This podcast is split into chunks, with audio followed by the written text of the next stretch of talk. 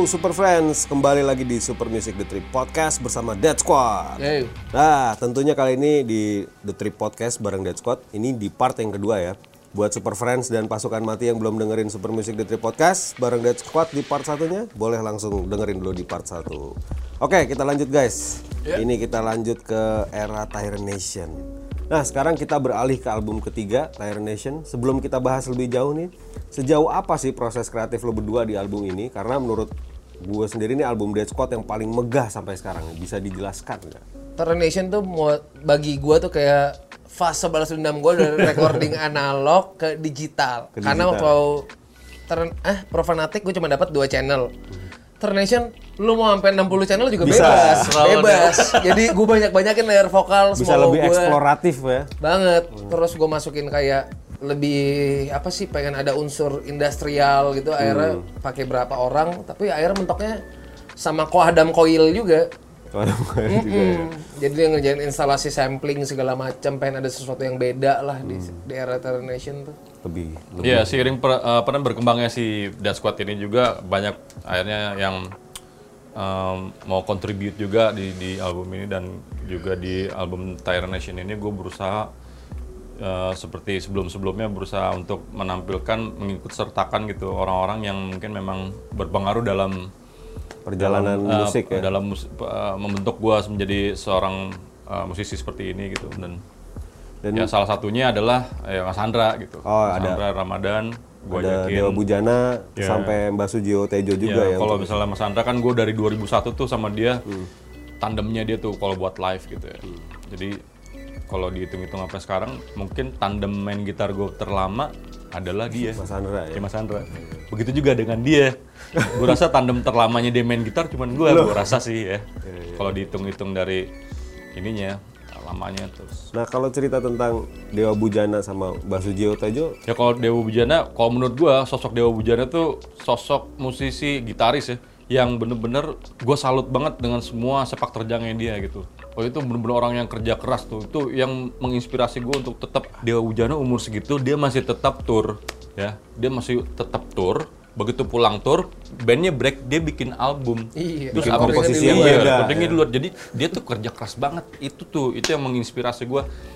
Nih, ini baru nih musisi beneran tuh yang kayak dia nih gitu. Itu menurut gua. nggak ada jedanya ya. Iya, benar-benar kerja keras dan ide hidup di situ.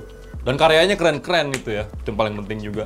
Sama kita butuh isian JC juga untuk lagu itu yang Dewa Bujana Ya. isi Isi di situ ya. pas lah dia yang isi Dan kalau de- kalau eh, Mbak Tejo sebenarnya pada saat itu gue sempat sempat diajakin main wayang sama daging Ari daging gitu. Jadi eh, ketertarikan gue terhadap dunia wayang itu memang sudah eh, dari sebelum-sebelumnya. Akhirnya pada saat itu Ari daging lagi punya project sama Mbak Tejo. Gue bilang gue pengen dong si Mbak ngisi inilah mantra-mantra ngomong apalah gitu loh. Mantra Jawanya. Oh, oh, gitu. Lu bisa kontak tenang katanya. Ntar dia diajakin sama daging, akhirnya mau Mbak Tejonya. Wah itu itu prosesnya brilian banget sih kalau menurut gue sih Mbak Tejo. Jadi lu cuman gini doang, dia datang nih ke minta studio, lirik gua Hmm. terus udah nih ngobrol-ngobrol. Gue bingung kan mau mau mulai dari Iya, mana? Mau mulai dari mana? Bah, maksud ini. Jadi gimana, Steph? Ya Mbak, eh, pokoknya Mbak bebas aja. Aku cuman butuh Mbak bikin apa namanya ah, ngomong Isian. mantra mantra Mantra Jawa. mantra Jawa kuno gitu. Oh iya iya iya. Albummu tentang apa sih? Akhirnya minta Daniel liriknya. panjang lebar tuh Kasih tahu liriknya tentang apa. Oh iya iya udah gitu. Udah. Ayo masuk studio. tek vokalnya duduk udah tag vokal sendiri dia ngedirect sendiri sama si operatornya udah udah kamu tag ini abis itu kami kamu ambil ini udah abis itu track berikutnya kamu tiban lagi kamu potong itu pokoknya dia ngedirect sendiri. Dan yang mantapnya lagi ya akhirnya akhirnya jadi nih kan. Wah keren banget gitu kan wah keren banget nih.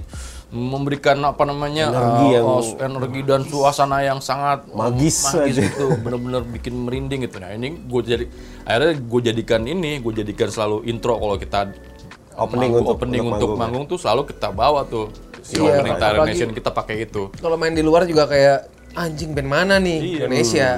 jadi benar-benar gelap dulu semuanya black out. Nah itu baru tuh suaranya Mbak Tejo keluar tuh.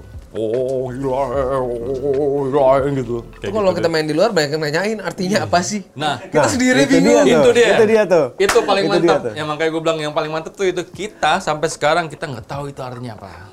Sampai sekarang nggak tahu sekarang. dan, dan gue dan sama pernah dikasih tahu. Dia nggak mau ngasih tahu arti mantra Jawa tuh. Nanti juga nanti juga orang yang bakal ngerti. Ah, penjelasannya begitu. Berat ya. Gue yang nemen, gue yang ngegawangin kan. Dia tag vokal duduk, sila, kopi, rokok.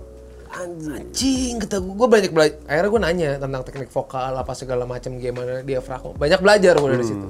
karena memang memang karena dia basicnya dalang ya Dalang. Jadi dia Bisa dia- banyak suara. wah, gila suaranya tuh Olah Gawat, vokalnya. gawat. ya. Iya, kayak- Olah vokalnya. lo kayak kebius dengerinnya gitu itu yang efek itu yang mau gue dapetin sebenarnya dan berhasil tuh Pada nomor lagu Pragmatis Sintetis itu kan dapat penghargaan ajang musik nasional untuk karya produksi metal hardcore terbaik di tahun 2017 ya. Kalian tuh menyangka nggak sih sebenarnya bisa dapat apresiasi sampai sejauh itu? Enggak sih. kita pas menang kita masih di jalan. gitu Belum nyampe ya? Belum nyampe. Yang ngambil bini gue piala dititipin. Eh, lagi kerja di situ lagi ya? gawe. Titip dulu deh. kita kita sebenarnya nggak pernah nggak pernah kayak ekspektasi oh kita bikin band kita harus menang award the best metal iya kita nggak pernah kayak gitu sih Itu pengennya mah manggung, tour, album. harapannya ya biasa-biasa aja sih ya itu tadi paling cuman bikin album terus manggung Keliling gitu. dunia, udah cuman gitu ya. gitu aja sih Pasti ada cerita juga eh, mengenai seberapa besar peran seorang Stefan Santoso dalam produksi album Tyrant Nation. Tire Nation ya dia uh, salah satu engineer ya untuk mixing dan masteringnya. Jadi gue tahu kapasitasnya dia seperti apa dan di benak gue wah Dead Squad kalau misalnya di engineer di di mixing dan mastering sama Mas Stefan kayaknya akan lebih megah, gitu Megah, dan itu dia ya. ya itu itu. Ya gue rasa kita adalah klien pertamanya untuk yang Band metal musik gitu ya. musik seperti itu ya. Dan Termination album pertama yang Death Squad kerjain di tiga studio yang berbeda. Tiga studio berbeda ya. Oh iya tuh, jadi karena memang sudah sudah bisa punya uh, resource cukup untuk berrekaman dengan Proper ya. uh, dengan proper dan banyak kontribut dari berbagai macam kontributor dan juga boleh pilih-pilih studio. Oke, misalnya mau drum mau tag di mana? Terserah, pokoknya yang oke lu gue drumnya di sini. Daniel mau tag di mana? Pokoknya gue yang bisa ngerokok. Oh, udah. studio yang bisa ngerokok. Studio bisa ngerokok. Udah, gue gitar-gitar di sini ya gitu. Jadi kita uh, masing-masing ya mengerjakan itu sesuai dengan yang kita mau. Preference masing-masing. Studionya di mana gitu. Dan nyaman juga sih. Nah kalau misalnya boleh tahu nih, siapa lagi di ke depannya musisi yang bakal kalian ajak kolaborasi kalau Rick misalnya? Rabin. Hah? Enggak, enggak bercanda gue. Kayaknya mendingan kita ajak bekas-bekas member kita sih kayaknya udah saatnya. Ya, gua, gua rasa ya. sih eh, belum belum ke arah situ ya. Kita mikir ya gitu masih masih kalau sekarang tuh masih kerangka-kerangka aja untuk materi lagunya kayak gimana kayak gimana gitu. Belum kepikiran. Biasanya sih kalau udah tengah jadi, oh kayaknya enak nih di sini. Nah, sama enaknya dia diisi sama gitu. siapa? Pas diisi baru mau proses siapa. rekaman, baru kebayang mau diisi siapa. Nggak pernah kayak yang dari awal, gua harus sama dia nggak. Oh, banyak banyak yang malah ketemunya di tengah-tengah Iya, jalan dan gitu. bisa Kayak jadi di Adam tuh orang ketiga, sebenarnya samplingnya dikerjain sama siapa, siapa, siapa. Tapi nggak ada yang match, akhirnya kita pilih Adam. Oke. Pada saat itu referensi gue albumnya Reviews yang apa, The Shape of Punk to Come. Hmm. Gue pengen jadi kayak gitu. Seperti itu ya. Pada fase albumnya Tyrant Nation nih, kalian kan juga harus kehilangan beberapa personil kan. Personil yang sudah bisa dibilang eh, membesarkan nama Dead Squad dari album pertama. Kondisinya gimana pada waktu itu? Coki sama Boni cabut, cuman hidup harus tetap jalan, ya jalanin aja. Yang pertama yang kalau nggak salah Coki dulu. Kalau kalau Coki kan gua gua paham lah karena memang dia kan juga sama netral ya. Dan netral juga adalah kawan-kawan gue juga dan itu salah satu band ter- influence terbesar Dulu masih juga. netral, belum Ini jadi masih NTRL. netral, belum jadi NTRL. Belum. gue juga nggak nggak pernah kayak sama sama Coki untuk Cok lo full commit di sini ya lo nggak bisa main lagi di tempat lain selain ini gitu gue nggak kayak gitu gitu ketika Coki bilang Tep gue gue kayak udah nih gue ini nih Balik kanan lagi. fokus dulu gitu ya nggak apa-apa gitu nggak nggak nggak kehilangan ya pasti kan ya kehilangan Coki kayak like a big chunk hilang gitu kan Hmm. Uh, udah habis itu Boni hilang Kalau Oh, Boni sebenarnya lebih profanatik udah hilang. Iya, gitu. dari proses profanatik dia dia rekaman tuh, gue rasa dia udah nggak di sini. Oh. Badannya doang di sini, cuman Jiwanya. Iya, dia udah nggak nggak di sini gitu, kayak di mana lah gitu. Udah habis itu dia hilang. Ya udah pada saat itu kan gue sempet bilang tadi kan apa gue bubarin aja ya, terlalu banyak Hmm. drama-drama kayak tai kayak gini nih. Males gue. Ah udah tetap akhirnya kita tetap, tetap, Tetap jalan dengan- gitu. dengan Tapi kondisi yang juga ingat ya pasukan mati itu tap tuh lu lihat tuh pasukan mati. Oke oke oke. Jadi tetap jalan. Andian digantiin, Boni digantiin juga, ya Cok- Coki digantiin, ya udah. Dan akhirnya uh, akhirnya bisa bertahan ya. Slang aja bisa kenapa kita enggak? Iya harus. harus. Slang aja waktu itu cuma nyisain kakak Dua. sama Bim Bim Kakak sama kayak gua sama Tepi. Beda rezekinya aja. Sama eranya beda ya. Eranya beda. Jadi yang di- yang dilakukan saat mengisi kekosongan player dengan cabutnya para personil pada waktu itu di teng- apalagi di tengah proses rekaman dan schedule panggung yang cukup padat waktu ya. itu kita harus promo album sebenarnya. Iya. Akhirnya akhirnya banyak banyak digantikan oleh teman-teman yang lain. Iya masih circle kita juga sih sebenarnya. Nah, nemuin additional baru pada posisi bass, gitar dan drum itu kan bisa dibilang sangat vital apalagi dengan dengan warna musik yang seperti ini. Itu kan butuh juga kecocokan. Nah, gimana tuh kalian melalui proses yang panjang seperti itu untuk nemuin chemistry gitu misalnya. Untuk mainin jenis musik kayak Dead Squad ini kan memang nggak nggak bisa kayak uh, sembarangan comot gitu player siapa player siapa gitu kan memang pertama kita cari dulu yang memang Backgroundnya memang backgroundnya juga arah uh, orientasi musiknya ke situ. Gitu. jadi ya kita ya lihat-lihat teman-teman kita dulu sih gitu. Sampai akhirnya? Sampai akhirnya kita dapat ya dan akhirnya kita tetap bisa jalan. Dan begitu album Tire Nation beres tuh kayaknya langsung ngegas deh. Kayak ngegas tuh maksudnya kita langsung tur Full tur di sini full speed tuh Justru kita ngeluarin. Tara Nation dulu di Jepang baru Indonesia. Iya. Hmm, launchingnya di Jepang Jepang, dulu ya. jadi Kita di main di Jepang Asakusa baru Dead Fest. Oh, oke. iya iya itu Kita tur Jepang baru baliknya. Nah, ini nih, kita masuk ke perjalanan Dead Squad uh, tour Eropa, Jepang dan juga Korea gitu ya.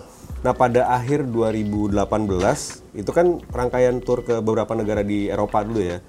Di Eropa. Nah, itu diceritain awalnya seperti apa sih pada akhirnya kalian menginvasi Eropa dalam program Super Invasion 2018? Oke, eh, sebelum Eropa itu kan kita tur Jepang ya. Tapi eh, baik tur Eropa atau tur Jepang itu berawalnya dari kita manggung di Bulungan.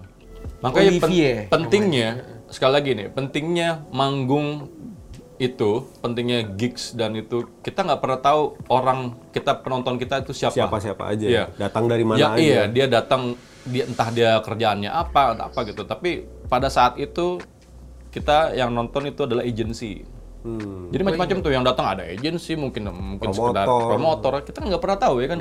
Tapi ketika kita main dan kita mainnya uh, all out, hasilnya tuh itu. Hasilnya tuh ajakan dari agency untuk main di luar. Orang-orang yang pada nonton Iya, di situ. Iya, nama gue inget namanya Olivier. Dia orang Prancis yang tinggal Agency di di Jakarta. Cuman Dia suka punya rumah juga di eh, Jepang. Ajaib lah pokoknya lah orangnya lah. Jadi dia punya agency di Jepang. Jadi dia uh, pada tapi tinggal di Jakarta. Bolak-balik. Bolak-balik. Dia bawa band dari Luxembourg sama satu lagi Dead Squad dari Indonesia. Akhirnya tour bareng ya. Iya. Berapa titik? Lima titik lah di Jepang. sama Eropa pun juga begitu. Jadi ketika kita main juga di Bulungan ada ada apa namanya ada yang ngajakin juga untuk eh, bikin eh, rangkaian di Eropa karena dia nonton kita pada saat di Bulungan. Eh, karena demand kita sebenarnya belum ada di sana. Jadi kita tuh sebenarnya band unknown gitu. Unknown. Iya, kita band unknown. Cuma Super kita, unknown. kita cuek ini buat kita tantangan juga I dare. ya kita tantangan juga. Ini yang ini yang menarik ya, Iya. yang berkesan selama selama di sana ya karena CD lu nggak didistribusi di sana, cuman lu Tiba-tiba di suruh main sana, di sana. ya kan. Nah, yang membedakan kultur musik ekstrim di Eropa nih, misalnya di Eropa dan di Indonesia, apa tuh kira-kira? Mereka semua punya live house. Walaupun Iya. sekecil apa pun, kita harus susah mencari tempat Iya, acara. kita nyari gitu. venue untuk untuk susah main banget. Mau yang kecil, mau yang perizinan bes- apa segala macam di sana tuh gampang lo bikin weekdays juga. Sudah ayo ada-ada eh, aja ya. Udah jadi kebudayaan kalau di di negara-negara Eropa ya punya di luar ya bukan Di luar, bukan di di Indonesia doang aja. gua rasa nggak ada. Di Jepang aja. Ada namanya live house jadi memang eh, unit usaha gitu yang memang khusus untuk live performance band-band gitu. Sebagai wadah untuk perform. gitu Iya, ya. jadi ada satu tempat memang isinya tuh ya setiap hari manggung aja. Ada sampai ada awardnya. Mereka bikin award untuk uh, the best uh, uh, live house. Mereka nanya uh, kalau misalnya live perform itu penularannya di mana? Dibikin simulasinya pas lagi manggung, uh, bikin konser.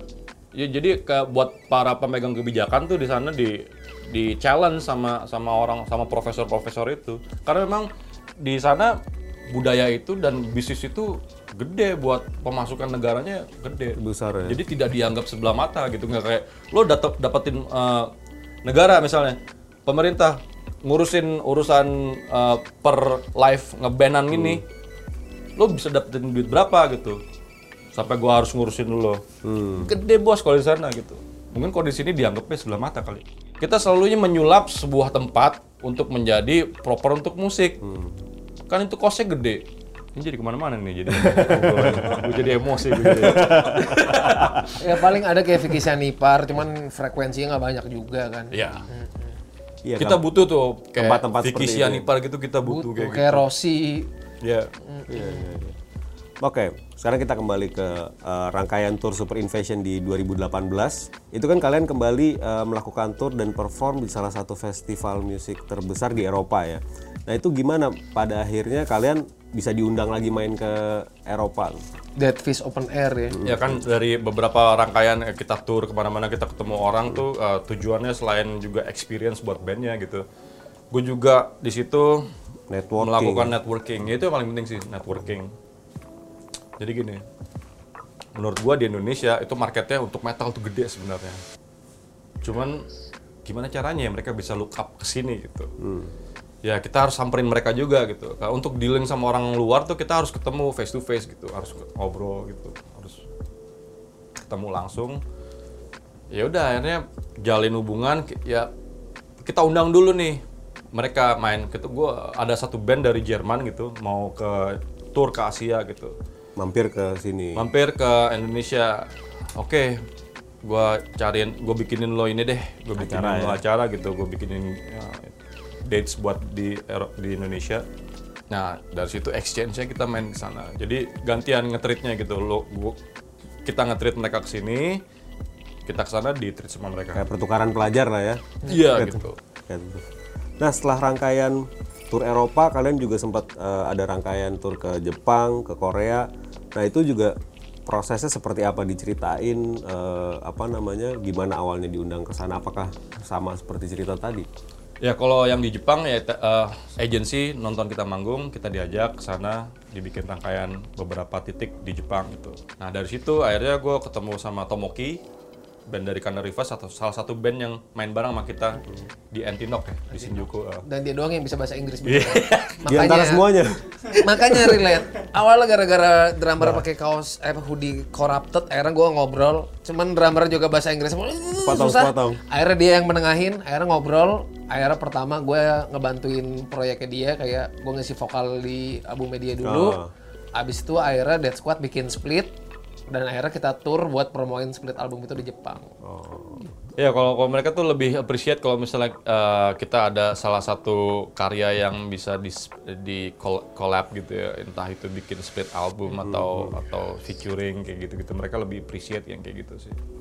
ada adalah beberapa hal yang sudah dilakukan eh, tur ke beberapa negara sehingga perkembangan musik ekstrim Indonesia itu mulai dilihat di mata dunia ya Ya kalau kalau gue yang gue lihat In- Indonesian death metal sih, kayak udah kayak punya punya ini sendiri, udah Tempat kayak sendiri. punya tempat sendiri gitu. Jadi kayak di Jepang tuh kita main, ada orang Jepang yang datang Udah pernah nonton kita sebelumnya. Iya, jadi dia kayak nggak eh, dia datang pakai kaos IDDM.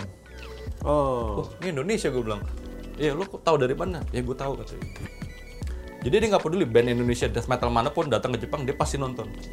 apa pun bandnya Iya. apa pun band Jadi memang sudah punya tempat sih.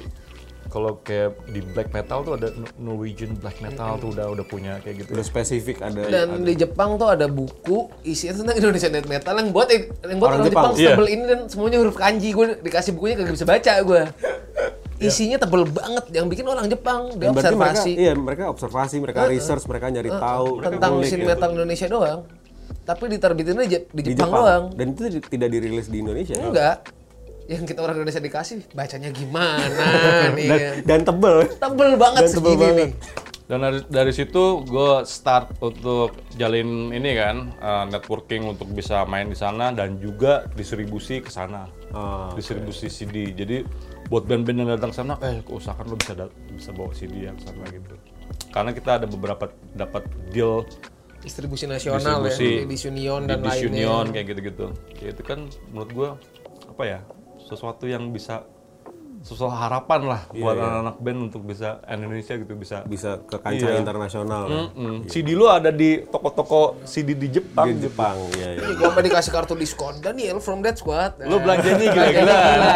Padahal bukan gara-gara itu juga. Belanjanya gila. Jadi dikasih udah sekalian aja dapat member. Oh, ada privilege lah ya saat pergi keluar ya. Nah, kemudian ini juga penting nih.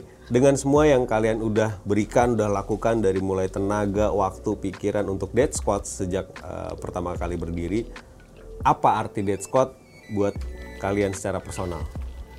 Kok gua ya menganggap ini udah kayak seperti anak gua sendiri sih. Jadi ya, gua tahu lah proses lahirnya gimana, proses tumbuhnya gimana sampai umur sekian gitu sekarang udah 14 tahun umurnya lagi lucu-lucunya lagi bandel-bandelnya nih. 14 tahun. Masa-masa remaja ya. Mm-mm. Masa remaja. Jadi ya buat gue sih ini udah kayak kayak anak gua. Kendaraan sih kalau buat gua. Kendaraan. Ngebawa gua ke mana aja. Ke tempat-tempat yang sebelumnya kagak gua kepikiran. Nyampe ya. Nyampe ke Swiss ke mana. Nyampe ternyata gua ngeband. Heeh. Udah cuman track-track doang. iya udah gitu. Kagak bisa nyanyi ya kan. Nyampe gua berani belagu. Gue rasa apresiasi hampir sama lah kalau di luar sama di lokal ya di sini. Cuman memang eh, kalau mau dilihat jumlahnya, gue rasa sih Indonesia ya. Iya, Jauh gila ya. best. Lo bikin acara metal di sini di lokal Udah pasti rame. bisa yang eh, 4000 Iya, bisa terakhir ribuan. kita Horror Vision Reunited 4000 ribuan orang Iya, itu bulungan sampai luber. Tanpa sponsor masif iya. swadaya Nah itulah dari situ gue ngeliat, ngeliat emang, emang marketnya gede sebenarnya nggak bisa lo kayak ah ini musiknya segmented memang segmented musik Tapi di kayak gitu. Indonesia Tapi punya beda. market sendiri. Iya, lo lo bikin aja tuh festival ribuan yang datang. Lo mau ngomong apa? Segmented. Mass segmented itu berarti kan. dan setiap kali kita keluar kita dapat pertanyaan kenapa di Indonesia anak kecil udah pakai kaos metal Iya. itu selalu ditanyain kayak Iya, ya. bocah di bawah umur pakai kaos metal itu hal yang biasa kita temuin di Indonesia Iya. Jadi mungkin orang tuanya kan seneng metal gitu, ketemu pacarnya juga mungkin jadi jadi istrinya sekarang juga anak metal. Oh kita akhirnya punya anak. Gimana kok kita kasih anak kita kaos-kaos metal yang kita juga pakai? Oh ya, kita kita jalan-jalan foto. Foto keluarga dengan kaos dan metal. orang-orang Eropa amazed di negara kita tuh biasa yang udah teenager maki itu di bawah 10 tahun udah pakai kaos metal di sini Dan kadang memang mereka dengerin lagu-lagu itu juga ya. Iya, Ya, pasti denger sering, kan sering di kalau di Insta Story nih ada yang suka ngirimin ke gua lagi menina, meninabobokan anaknya dengan lagu-lagu Death Squad. Itu pencapaian juga ya. Iya tuh Sebuah bentuk itu apresiasi iya, juga. buat gua anjing ya sampai segitunya gitu. Sampai akhirnya orang ha- harus ditato-tato Death Squad itu tuh buat gua sih itu kan biasa. komitmen ya. Gila sih kalau menurut gua sih. Oke, terakhir. Kalian akan membentuk Dead Squad seperti apa ke depannya nanti? sebenarnya judul album buat tahun eh, album keempat judul albumnya udah ada Omega Lithium Omega dan Megalithicum ternyata 2020 ini tahun kematian beneran salah gue kayak bikin judul album dari tahun lalu gue udah bilang judul albumnya ini liriknya ini konsepnya begini udah ada semuanya Tapi ternyata 2020 blar bubar semua. Yes, tapi semoga lah akhir Semoga tahun ya. kita bisa ngeluarin album keempat Amin. Oke, eh, buat gue untuk bisa em, berkarya lagi, bikin album lagi gitu, berkegiatan seperti normal lagi ya sebuah ini sih sebuah privilege ya. Jadi kalau gue belum belum belum kepikiran nanti bentuknya bakalan seperti Profanatica atau seba- kayak seperti Horror Vision lagi kah bentuknya? Atau atau kayak Tire Nation? Tapi kita berusaha untuk eh, mencoba untuk memberikan sesuatu lagi deh yang yang baru gitu. Ceritanya memberikan sesuatu yang baru lagi di di album eh, berikutnya gitu. Kalau secara lirik lebih konseptual dan lebih tematik sih album ini. Judul lagunya juga alphabetical. Oke, Bang Tepi, Daniel, thanks banget udah datang dan ngobrol-ngobrol di Super Music The Trip. Thank you. Udah banyak ceritain juga segala macam hal tentang Dead Squad yang belum kita tahu. Thanks man, sukses buat Dead Squad dan pasukan mati. Thank you, thank Thank you. you. Super Friends, baru aja kita simak cerita, pengalaman dan perjalanan dari sebuah band death metal kebanggaan tanah air, Dead Squad. Dan nantikan Super Music The Trip Podcast episode berikutnya untuk mendengarkan perjalanan seorang musisi, band, grup, or duo lainnya hanya di channel Super Music Podcast. Super Friends, jangan lupa juga untuk nonton video The Trip hanya di channel YouTube Super Music. Lalu ikuti quiz pada deskripsi untuk mendapatkan eksklusif merchandise-nya. Dan kalau kalian belum beruntung, kalian juga bisa mendapatkan eksklusif merchandise tersebut hanya di Superstore Official. Dan selanjutnya, siapkan telinga lo untuk mendengarkan gempuran salah satu anthem dari Horror Vision. Manufaktur replika Baptist eksklusif hanya di Super Music The Trip.